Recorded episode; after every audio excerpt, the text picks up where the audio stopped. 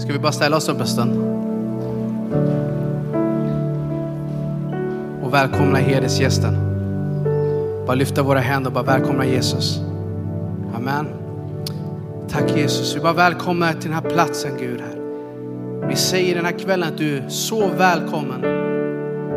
Vi tackar dig Gud att Jesus du får bli upphöjd den här kvällen. Att du ska få bli verklig den här kvällen. Att heligande du kommer just nu bara öppna våra ögon så att vi ser tydligt vem Jesus är för oss och vad han vill göra i våra liv.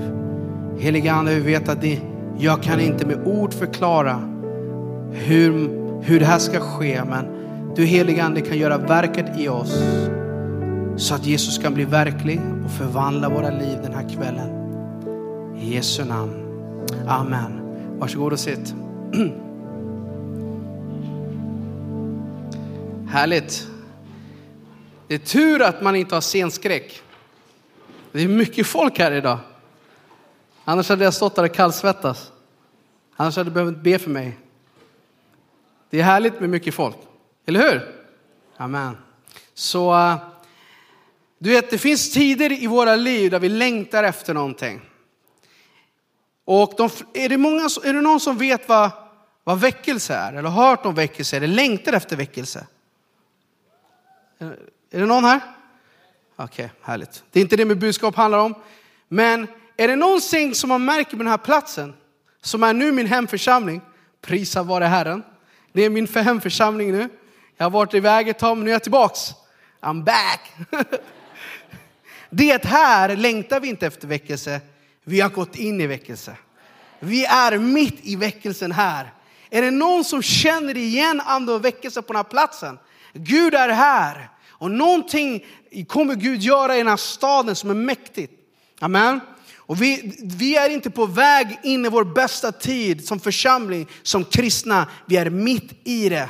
Vi är mitt i det. Amen. Så då behöver vi glädjas över det. Och budskapet idag är ett enkelt budskap, men ett mäktigt budskap. Amen. Och, och, det spelar ingen roll egentligen vad man talar om i Bibeln, det är mäktigt, eller hur? För det är Guds eget ord. Och eh, jag, är en sån här, jag, jag försökte sätta titel på den här. Det har alltid varit en prövning med mig för att sätta titel och jag, jag pratar lite svengelska ibland. Swinglish. Men jag ska försöka säga det. One thought away from Jesus. En tanke från Jesus. Det är budskapet idag. Och ibland komplicerar vi saker. Ibland tror vi att Jesus är långt bort, att Gud är långt bort. Men Gud är väldigt nära. Och inte utifrån fina ord ska jag säga det idag, utan utifrån Guds eget ord kan vi se tydligt att Jesus och Gud är alltid nära, alltid villig, alltid redo att gripa in rakt in i våra liv. Amen. Och ibland så, så har vi det, ibland till och med säger vi att vi tror det.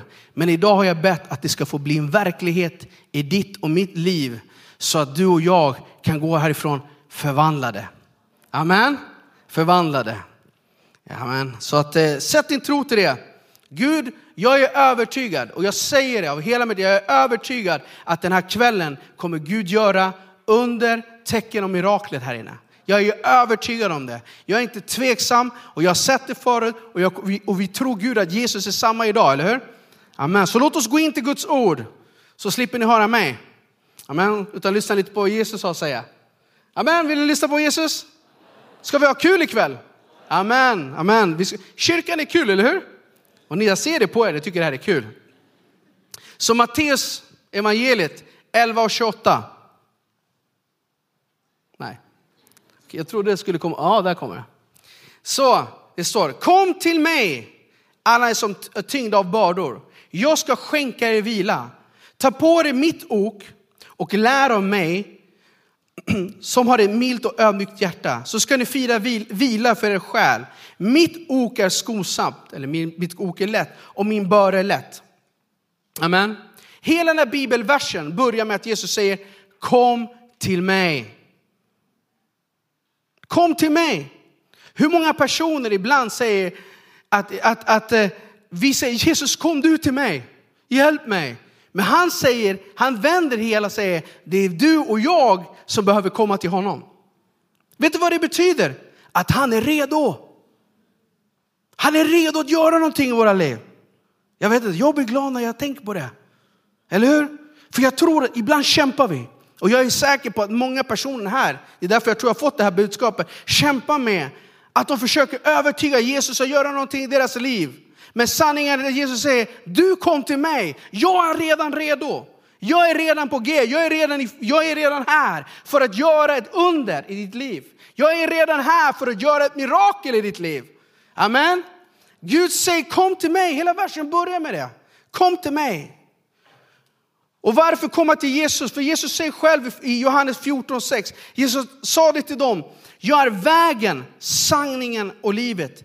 Ingen kommer till Fadern om det inte är genom mig. Och så säger han, har ni lärt känna mig ska ni också lära känna min far. Och när ni känner honom, ni, när ni känner, nu känner ni honom och har sett honom. Jag önskar att jag får min första bild här, jag hoppas den kan komma upp. Jag fick aldrig bekräfta om det gick. Bam! Många killar här bara wow. Det är inte så att vi kommer dela ut den gratis här efter mötet. Det är inte det vi pratar om. Det här är en illustration. Och ni kvinnor och tjejer får ursäkta mig, men illustrationen kommer vara lite manligt lagd. Men budskapet gäller dig också. Amen. Amen. Så, vad är det jag vill säga? Till, vad är det som jag vill tala om idag? Jo, det är att om du, om du har en bil som går sönder, som kraschar. Är det någon som har varit med om det? Och tjejer säger, jag skyller alltid på mannen, så egentligen de säger, det var aldrig jag som kraschade, det var min man. Man skyller alltid ifrån sig, eller hur? Det är alltid mannen som gör sönder. Det kanske är sanningen det, för vi bränner, vi, ja, samma. Men, men hur många vet att om du och jag har en bil, en motor som kraschar, som slutar fungera, det är haveri i motorn. Hur många vet att om vi skulle gå till den bästa platsen att tvätta bilen, de grymmaste polerarna, ser ni mig bakom den här? Jag är ganska kort, vet, jag är chilenare, ni får ursäkta mig. Jag kanske måste stå här. Det är för att Gud ska vara större. Han gjorde mig mindre för att Gud skulle bli större. Amen, amen. Ni vet att Paulus var ett smeknamn, det betyder liten. Han var också liten. Så han förstår mig. Han förstår mig. Paulus i Bibeln förstår mig. Men hur många vet att om vi går till den grymmaste, grymmaste biltvätten, grymmaste poleraren, och den som är helt fantastisk på, vad heter det? Kondera heter det va? Vad är ordet här? Se om jag hittar den. Ja, strunt samma. De som gör bilen ren och flashig och skinande. Hur många vet, eller hur många tänker att det räcker bara om jag tvättar bilen om min motor har gått sönder? Förstår du vad jag menar? Är det någon som tänker så? Bara, ah, min motor gick sönder så jag går till biltvätten och tvättar den. Så bara, nu kanske den är bra. Är det någon som har tänkt så någon gång? Så, men jag vill säga, det jag vill säga idag är att så gör vi med våra liv. Vi tänker bara vi polerar våra liv på utsidan, bara den skiner, bara den ser så flashig ut, bara den ser så fantastisk ut, bara alla andra kan märka hur grym den är, så är det okej. Okay. Men hur många vet att det inte är så man löser problem? Det spelar ingen roll hur mycket vi polerar den och gör den skiner på utsidan. Problemet är motorn. Problemen är insidan av bilen, där motorn ligger. Och ibland så gör vi så. Vi har blivit proffs i den här tiden. Det heter rekond, jag hittar min text. Rekond. Och vi har blivit, i, i den tiden vi lever i idag, vi har blivit proffs. Vi har blivit proffs på det, liksom, vi har de bästa utrustningarna och bästa metoderna att kunna skina på utsidan. Eller hur? Och ibland så åker folk runt med en bil som är så flashig, men de kan bara åka runt en halvtimme för de har inte råd att fylla den mer. Hela, hela, hela, hela, hela lönen går till att betala av den, men man har inte råd att eh, fylla på med bensin. Så tänkte jag när jag växte upp. Jag, jag, vi var inte så rika, så jag tror bara man har allt, pengar och sådär, då är det lugnt. Men vi kan ibland vara så, vi är proffs på att göra saker flashigt i våra liv, polera vår utsida. Men vi vet att det spelar ingen roll hur mycket vi gör det, vi måste gå till en mekaniker. Jag vill ha en bild på motor här. Bam! Motorn ser inte alltid så fin ut. Okej, okay, vissa motorer är grymma i och för sig, men, men det är oljigt, det är lite grejer där i, eller hur? Men, men det är det som Gud vill komma åt. Motorn är en bild på vårt hjärta i våra liv. Och vi, vi måste gå till en Gud som har lösning på våra problem. Gud kan laga våra liv. Gud kan laga på ett sätt där vi aldrig kan se i våra liv att det har hänt någonting. För det spelar ingen roll hur fin lacket är. Kraften, styrkan och powern kommer från motorn. Och så är det med våra liv, att vi försöker ibland fixa allting på utsidan. Så länge allt ser bra ut på utsidan, så länge allt ser bra, känns bra och ibland tror man att då är det bra. Men Gud vill att du och jag ska komma till honom. För han är den som byter ut oss, inte till de sådana här skräpiga eh, andrahandsvaror eh, som går sönder efter en vecka. Eller hur? Jag var en gång och lagade min, jag hade en Audi. Och du vet, jag var lite på den gränsen att jag tyckte det var så dyrt att laga den hos, eller gå och serva den hos Audi. Är det någon som har tänkt så? Jag var så. Jag, jag har ångrat mig, jag har ändrat mig. Jag, jag gör originalgrejer idag. Så jag, sa, jag gick till Mekonomen. Oh, nu kanske jag gör dålig reklam för Mekonomen i och för sig. Men Budskapet i alla fall i det här, det, det var att, att Audi ska inte servas hos Mekonomen. Mekonomen har ingen aning vad Audi, hur Audi fungerar. Enligt min erfarenhet. Okej? Okay? Så jag gick dit och jag bara, ah, jag, alltså, jag bara när han sa priset, jag bara, jag bara, människor som går till Audi, de är lurade. Vet du vad som hände? Två dagar efter kraschade hela min motor. Och jag ringer Audi, jag, sa, jag, har, jag har ju garantier och grejer. Ja, hade du kommit till oss så hade du fått det gratis. Men på grund av att du gick till fel ställe så får du betala priset själv. Eller hur? Om vi försöker fixa våra liv så kommer du och jag få betala i vårt pris. Men om vi går till honom så är det han som har betalat priset. Amen. Det är så det fungerar. Och glada budskapet det är att Gud alltid byter ut till originaldelar. Han skickar oss inte till Mekonomen. Han, han byter ut oss originalen. Han har betalat stort pris. För det står i Jesaja, det kommer inte stå här uppe men jag nämner det, Jesaja 61, vers 3. Han ger det sörjande sen och huvudprylarna istället för aska. Glädjens olja istället för sorgdräkt. Lovsång istället för modlöshet. Han byter ut det dåliga mot det som är bra i våra liv. Men han säger, allt börjar med att vi kommer till honom. Han vill, ge, han vill få det mörka i våra liv skina starkt som ljuset. Han är vår skapare. Han är den som har designat oss. Därför vet han exakt hur han löser våra problem. Han inte bara vet hur man löser problemen, han också vet vad du är designad till. Vilken olja som ska finnas i dig. Vilka saker man ska reparera med. Vilka personer du ska vara kopplade till. Vilken församling du ska gå och vad han har lagt på ditt liv. Han vet också mycket du kan trycka på.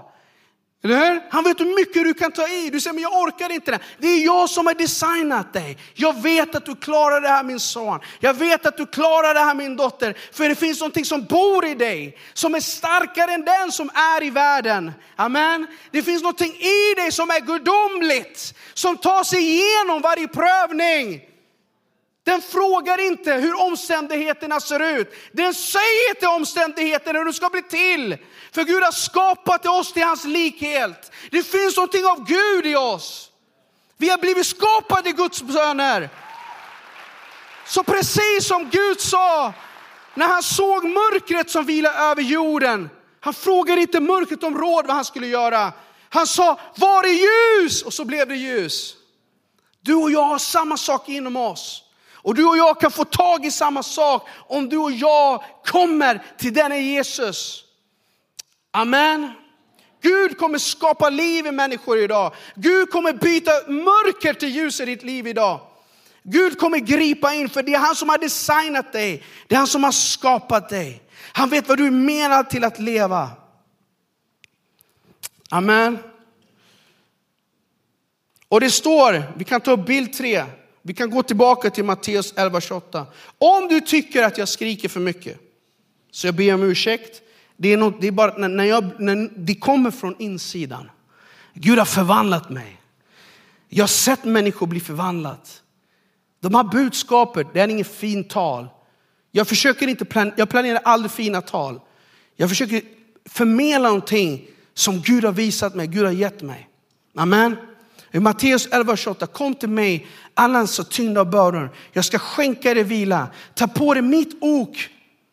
Jag tyckte det här var jättestarkt innan jag visste vad ok var, men sen fick jag lära mig vad ok var och det blev mycket starkare. Ok är inte den där Indien, det, var inte, det är inte det som är ok. Utan ok är det som står emellan. Det är det som är emellan. Du tror att jag bara skämtar när jag står här. Jag är chilenare, vi skämtar hela tiden. Det, det, är liksom, det är, en, det är, en, det är liksom, ibland är det en, ibland är vi allvarliga. jag vill bara säga så. Ok är någonting som finns mellan två. Vet, det fanns ett syfte med det här oket. Det är att inte man skulle bära bördan själv. Det är det som är, som är målet. När Jesus tar, tar på dig mitt ok så säger han, jag vill att du ska vandra med mig. Jag vill att du, allt du gör ska du göra med mig. Och när man satt på ett ok så, var, så gjorde man så att man satt oket på ett mer erfaren och starkare djur som bar med det svagare djuret. Så när Jesus säger, sätt på dig mitt ok, så är det inte bara fina ord, det är inte bara en cool uttryck, utan när han säger det att jag vill att du vandrar med mig. Jag vill att du vandrar bredvid mig, men jag vill vara den som bär dina baror. Och han säger så här, eh, eh, det står så här, ta på dig mitt kor och lära mig som har milt och ödmjukt hjärta så ska du finna, finna vila för dig själv. Mitt ok är skonsamt, mitt ok är skonsamt och min börda är lätt. När du och jag bär vårt liv med Jesus så är det inte beroende hur tungt, hur jobbigt, hur hårt jorden är, hur stor lastet är. För det är Jesus som bär den. Du, du och jag bara med. Du och jag är bara med.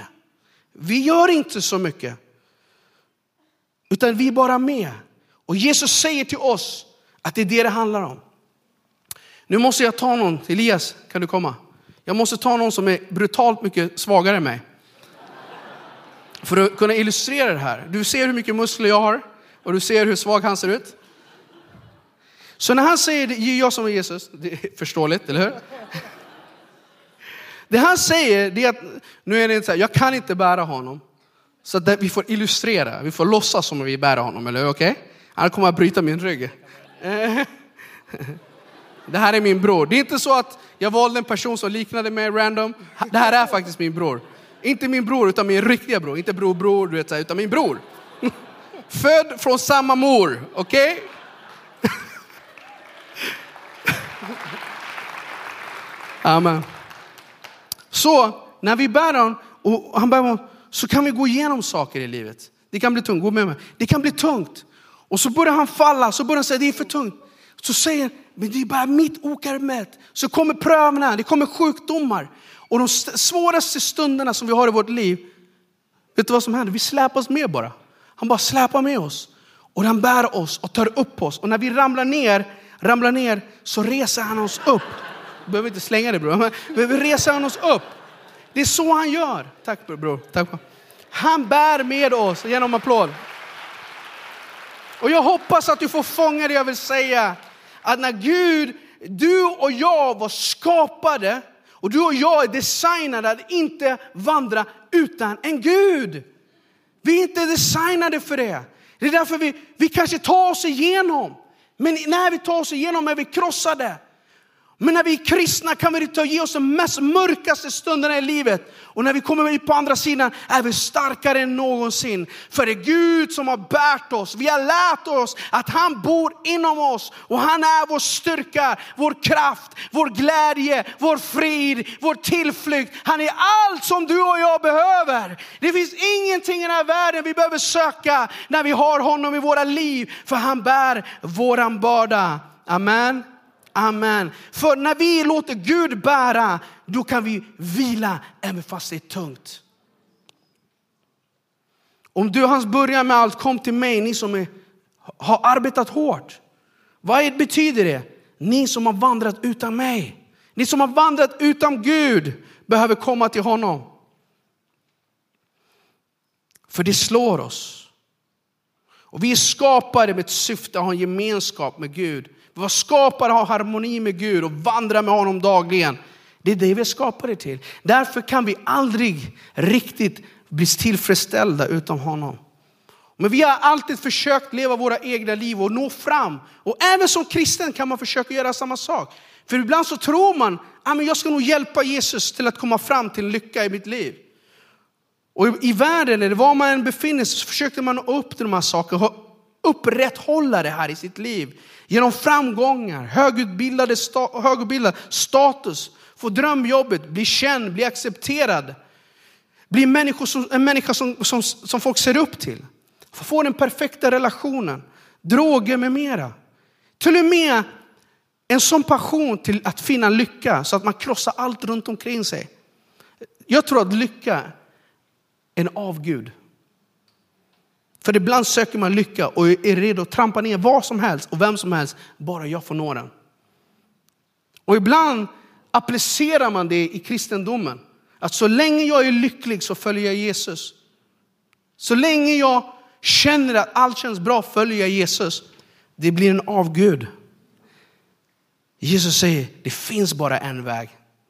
Det finns bara en väg. Och ibland så tror vi, när vi går igenom saker tillfälligt, att det bara ska vara där. Men egentligen, bara vi litar på Gud, så är hans väg alltid bäst, oavsett hur vi går, känner i den stunden. Jag hoppas du får någonting av det jag säger. För det här är Guds ord. Vår trygghet när vi vandrar med Jesus, låter honom bära våra liv. Vår trygghet, frid, kommer inte grunda sig i omständigheter. Det kommer vet du, grunda sig i vår relation till Gud. I vår relation till Gud.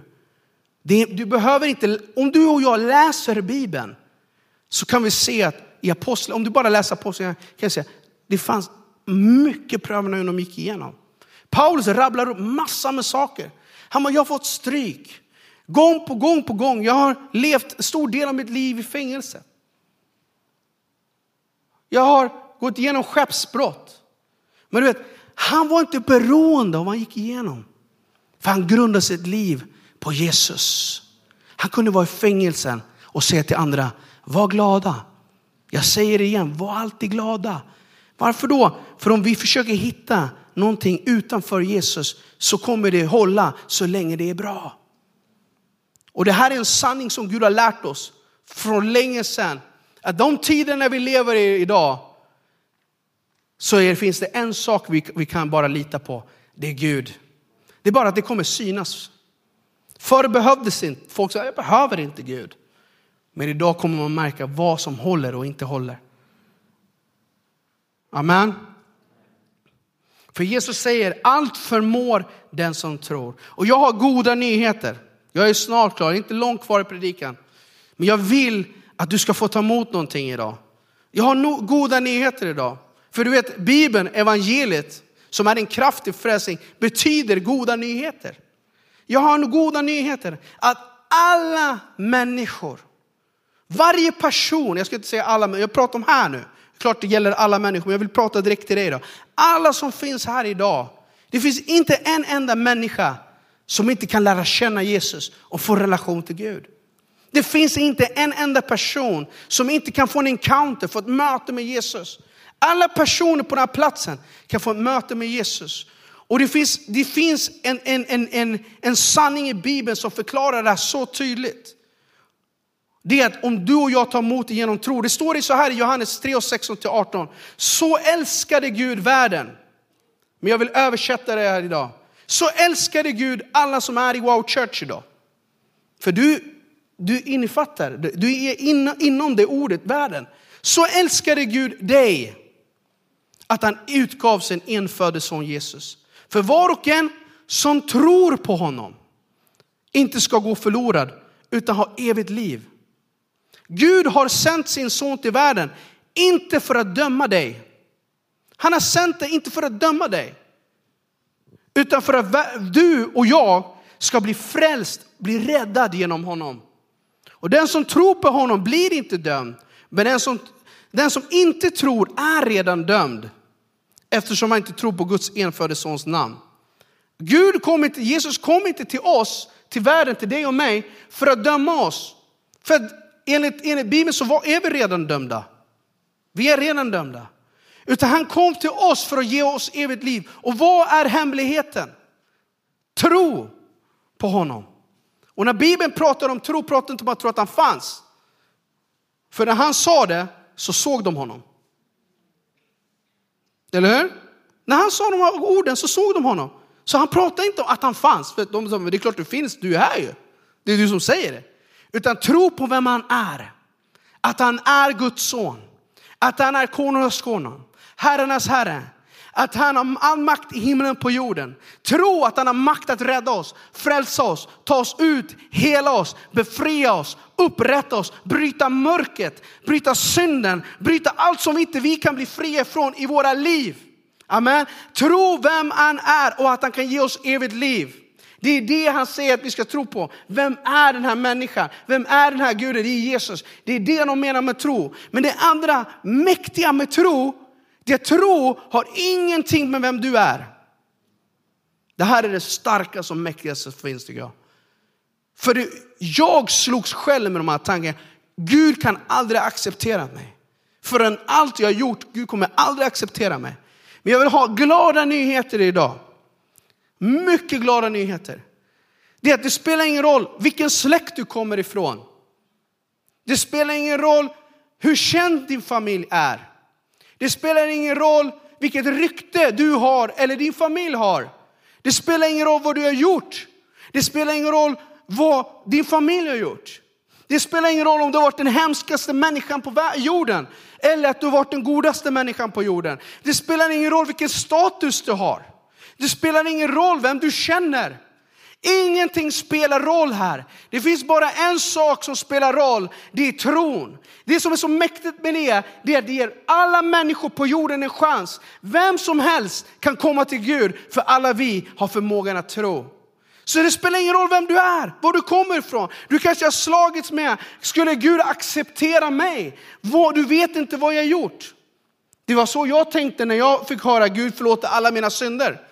Pastorn vet inte vad jag har gjort. Hade han vetat hade han aldrig sagt det. Men det finns inget så starkt som att Bibeln säger det här till oss. Det är att genom tro på honom, inte på dig själv, inte vad du har erbjuda, utan vad han har erbjuda. Jag vill bara avsluta om vi kan ta upp sista bilden. Med sista bibelordet. Halleluja. Jag tror att det här kommer förvandla ditt liv. För det här är så mäktigt. Jag hoppas att du är lyhörd. Gud tar varje chans han kan. Varje liten öppning han får att komma in i ditt liv. Vi tror ibland att vi måste kämpa för att få acceptans av Gud. Du säger, men jag har all tro på Gud. Jag har hädat Gud. Jag har talat, jag, jag, jag har drivit, jag har slagit eller jag har hånat människor som tror på Gud. Eller jag har gjort så mycket mörker i mitt liv. Jag har gjort mycket saker i mitt liv. Men vet du Gud, han är inte motsträvig. Han är inte svårfångad. Utan han gör allt han kan. Han, han, han letar ivrigt, ivrigt efter en chans att få komma in i ditt liv. Du är så värdefull för honom. Jag kommer ihåg när jag var 14 och jag skrek mig och grät till sömns och sa till Gud, bara du förlåter mig mina synder, bara du förlåter mig mina synder så kommer jag åka vart du än vind på jorden och göra din vilja. Ingen hade sagt till mig att Gud letar efter ett tillfälle att förlåta mig, att röra vid mitt liv. Och Lukas evangeliet 23, 39 43. Det var när Jesus hängde på korset. Det står så här, en av brottslingarna som var upphängd där hånade honom och sade, är du inte Messia? Fräls dig själv och oss också. Och den andra fången bredvid Jesus tillrättvisade honom och sa, fruktar inte du inte ens Gud? Du som är under samma dom. Vår dom är rättvis. Vi får vad vi förtjänar för det vi har gjort. Men han har inte gjort något ont. Och han sa det, Jesus, sa det till Jesus. Tänk på mig när du kommer till ditt rike. Och Jesus svarade, jag säger dig sanningen. Idag ska jag vara med dig i paradiset. Den här personen hade inte förmågan i sig att säga till Jesus, snälla, låt mig få komma in i paradiset. Låt mig få komma in i evigheten med dig. Det fanns inte inom honom, för han förstod, jag har inte rätt ställt med Gud. Det finns ingen chans att Gud skulle släppa, Jesus skulle förlåta mig. Jag är under dom och jag förtjänar det. Och han sa bara, han tog all sin kraft och frågade bara, tänkte all sin kraft för att säga en sak till Jesus. Jag vill inget annat, åt åtminstone Jesus, att du tänker på mig i himlen. Tänk på mig bara. Men den här mannen inte förstod att den Jesus som han inte ens vågar fråga en enkel fråga som att snälla rädda mig idag. Förlåt mig. Han vågade inte ställa frågan. Han förstod inte att det var för just honom som han höll på att dö för. Han trodde Gud kan acceptera och Jesus höll på att dö för just honom. Och ibland frågar vi oss Gud, kan du öppna din famn för mig? Kan du verkligen göra någonting i mitt liv? Och då säger Gud, Jesus, det är det jag dör för. Det är det jag dog för. För när han gick, tog korset och gick och vandrade på väg upp till korset så fanns det många gånger han kunde ge upp. Det står att när de piskade honom så, slog, så, så, så drog piskan fast i hans skinn. Det var saker på fiskan som drog sig in i skinnet och när man drog bak piskan så drog det mer skinn och kött från Jesus. Och säger, hur kan en människa gå så långt? Hur kan en människa gå så långt utan att vara skyldig? Det var det kärleken till dig. Han tänkte på familjer, generation, generationer som kommer gå in i mörkret och förstöras i synd och mörker, elände. Människor skulle bli dödade och var i ångest och gå evigt förlorade, som inte hade en chans. Och det som drev honom att gå framåt, det som gav honom styrkan att gå en meter till med det här korset. Även fast det stod att hela hans rygg var som ett stort köttsår, så fanns det, fann han kraft i att en människa till kommer bli räddad. En person till kommer bli friad. Jag kommer se ett barn till i himlen. En familj till blir förvandlad. En familj till befriad. Han såg ett par som fann varandra i en fest. För han ser varje person, han såg det. Du är planerad, du är ingen slump. Så han, när han stod där på korset och vandrade där, även fast det var 2000 år sedan, han visste vad framtiden innebar. Så jag såg ett par som hade funnit varandra i en fest och funnit kärlek. De hade allting uträknat i sina liv. De visste exakt var de var på väg. De hade en bra utbildning, karriärer, bra karriärer.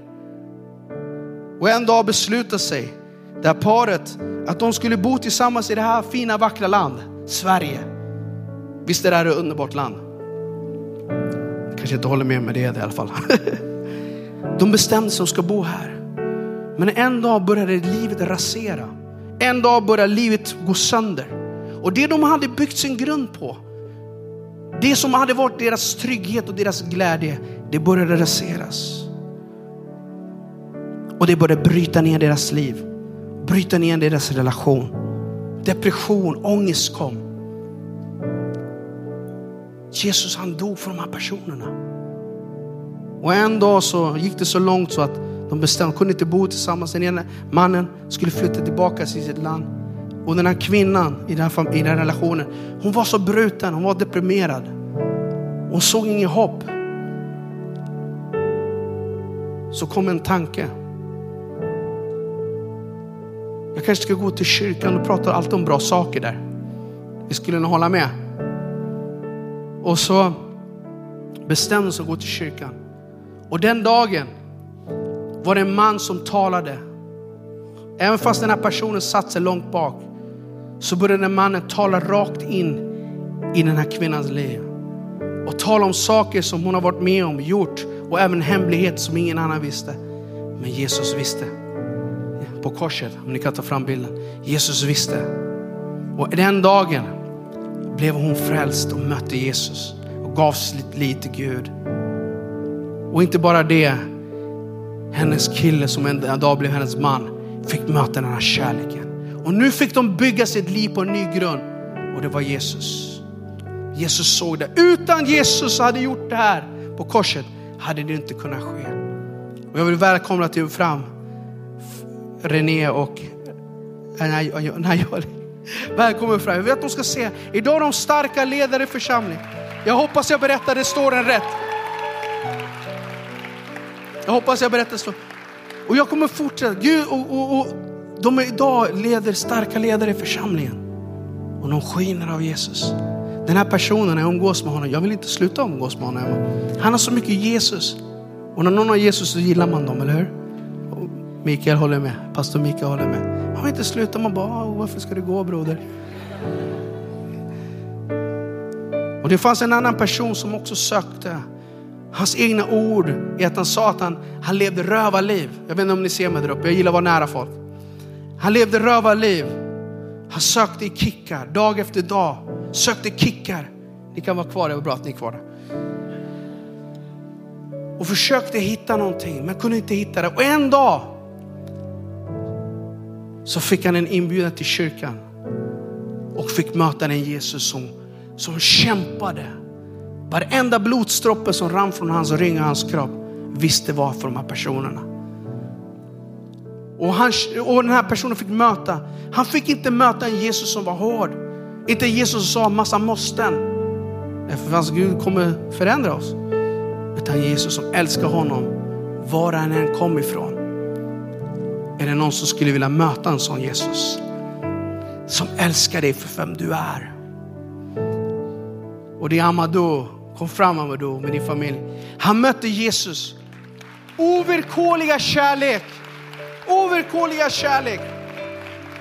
Och nu är han gift men från en, med en ex-ateist. Visst var det så? En, en familj, de kommer från ursprung. Och nu har de en vacker familj och, och, och andra barn på väg. Varför tar jag fler, fram flera? För om jag skulle bara ta fram en skulle jag säga ja, Gud älskar dem lite mer. Men du vet, vi skulle kunna vara här hela kvällen och berätta om allt vad Gud gör.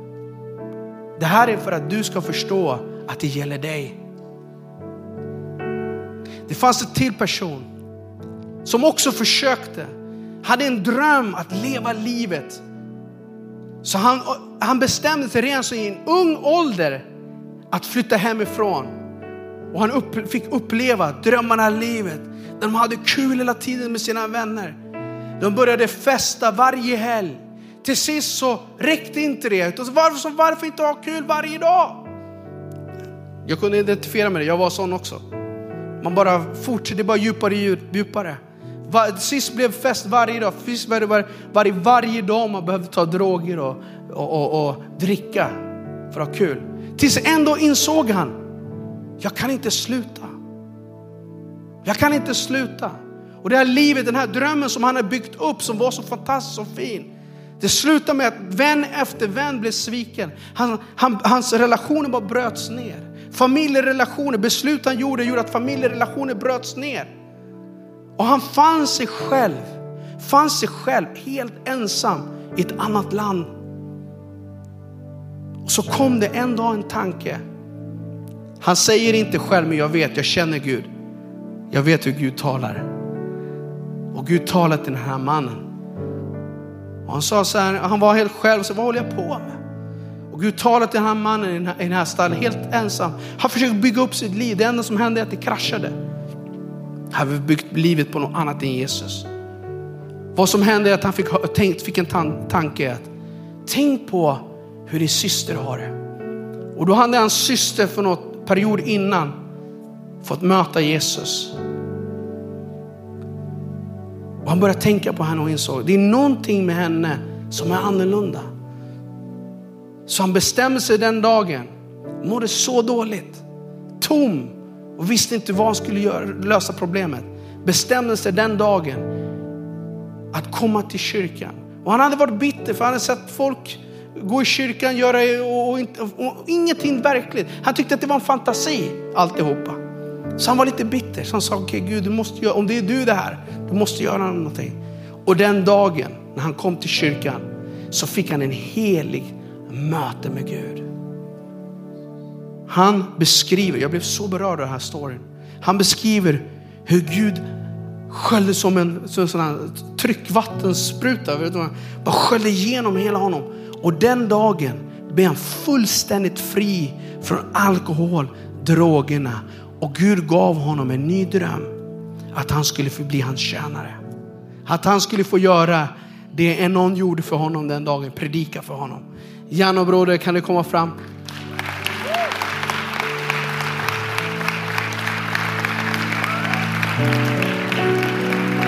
Ge dem en större applåd. Det här, jag ska avsluta med det här, men det här är få personer. Få personer av alla som Gud gör i människors liv. Och varför tar jag fram de här?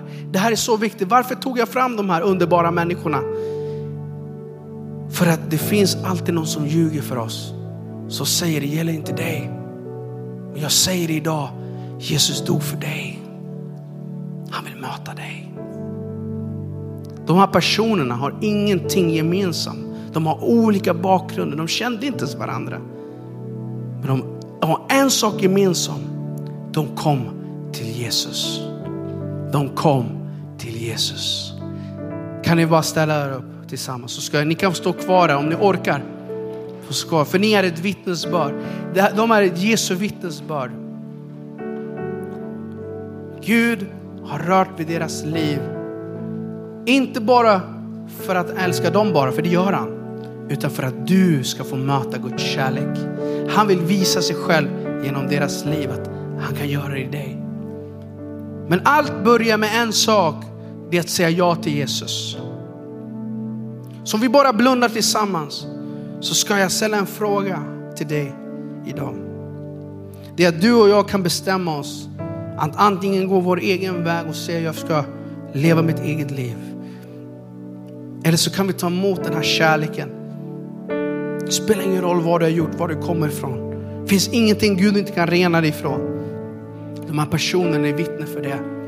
Det finns inget som, som, som, som du och jag egentligen kan göra för att förtjäna hans kärlek. Det enda du och jag kan göra är att ta emot den. Så om du finns idag och säger, jag vill ha den, jag vill möta den här Jesus. Jag vill komma till den här Jesus i den här dagen. Hela min predikan handlar om dig, för du är den viktigaste personen här idag. Du är den personen som Gud vill röra, som inte känner Jesus. Eller du kanske till och med har gått ifrån och sagt, jag har gått ifrån och vill komma tillbaka till honom och säga, jag måste tillbaka till den här Jesus. Så det är din chans idag. Så om du är den personen så vill jag bara just nu att du bara räcker upp din hand. Och säger, jag vill att ta emot den här Jesus. Jag vill att Jesus ska komma in i mitt liv. Jag vill ha den här Jesus i mitt liv.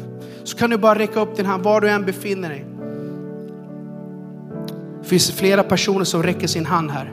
Flera personer, bara fortsätt räcka din hand. Idag kan det bli en dag som du får möta denna Jesus. Det är upp till dig. Bara fortsätt hålla den här händerna uppe. Och jag vill bara utmana dig att komma till Jesus på det viset att du bara kommer ut din plats och kommer fram. Nu ska vi be tillsammans. Det här gör vi varje vecka. Vi ber med människor, vi erbjuder människor att ta emot dig Jesus. Bror, du kan bara komma fram, du som räcker upp handen. Bara komma fram så ska vi be tillsammans. Kan bara komma fram så ska vi be tillsammans. Ta med din vän. Ta med din vän ska vi be tillsammans. Här, du kan, du kan stanna.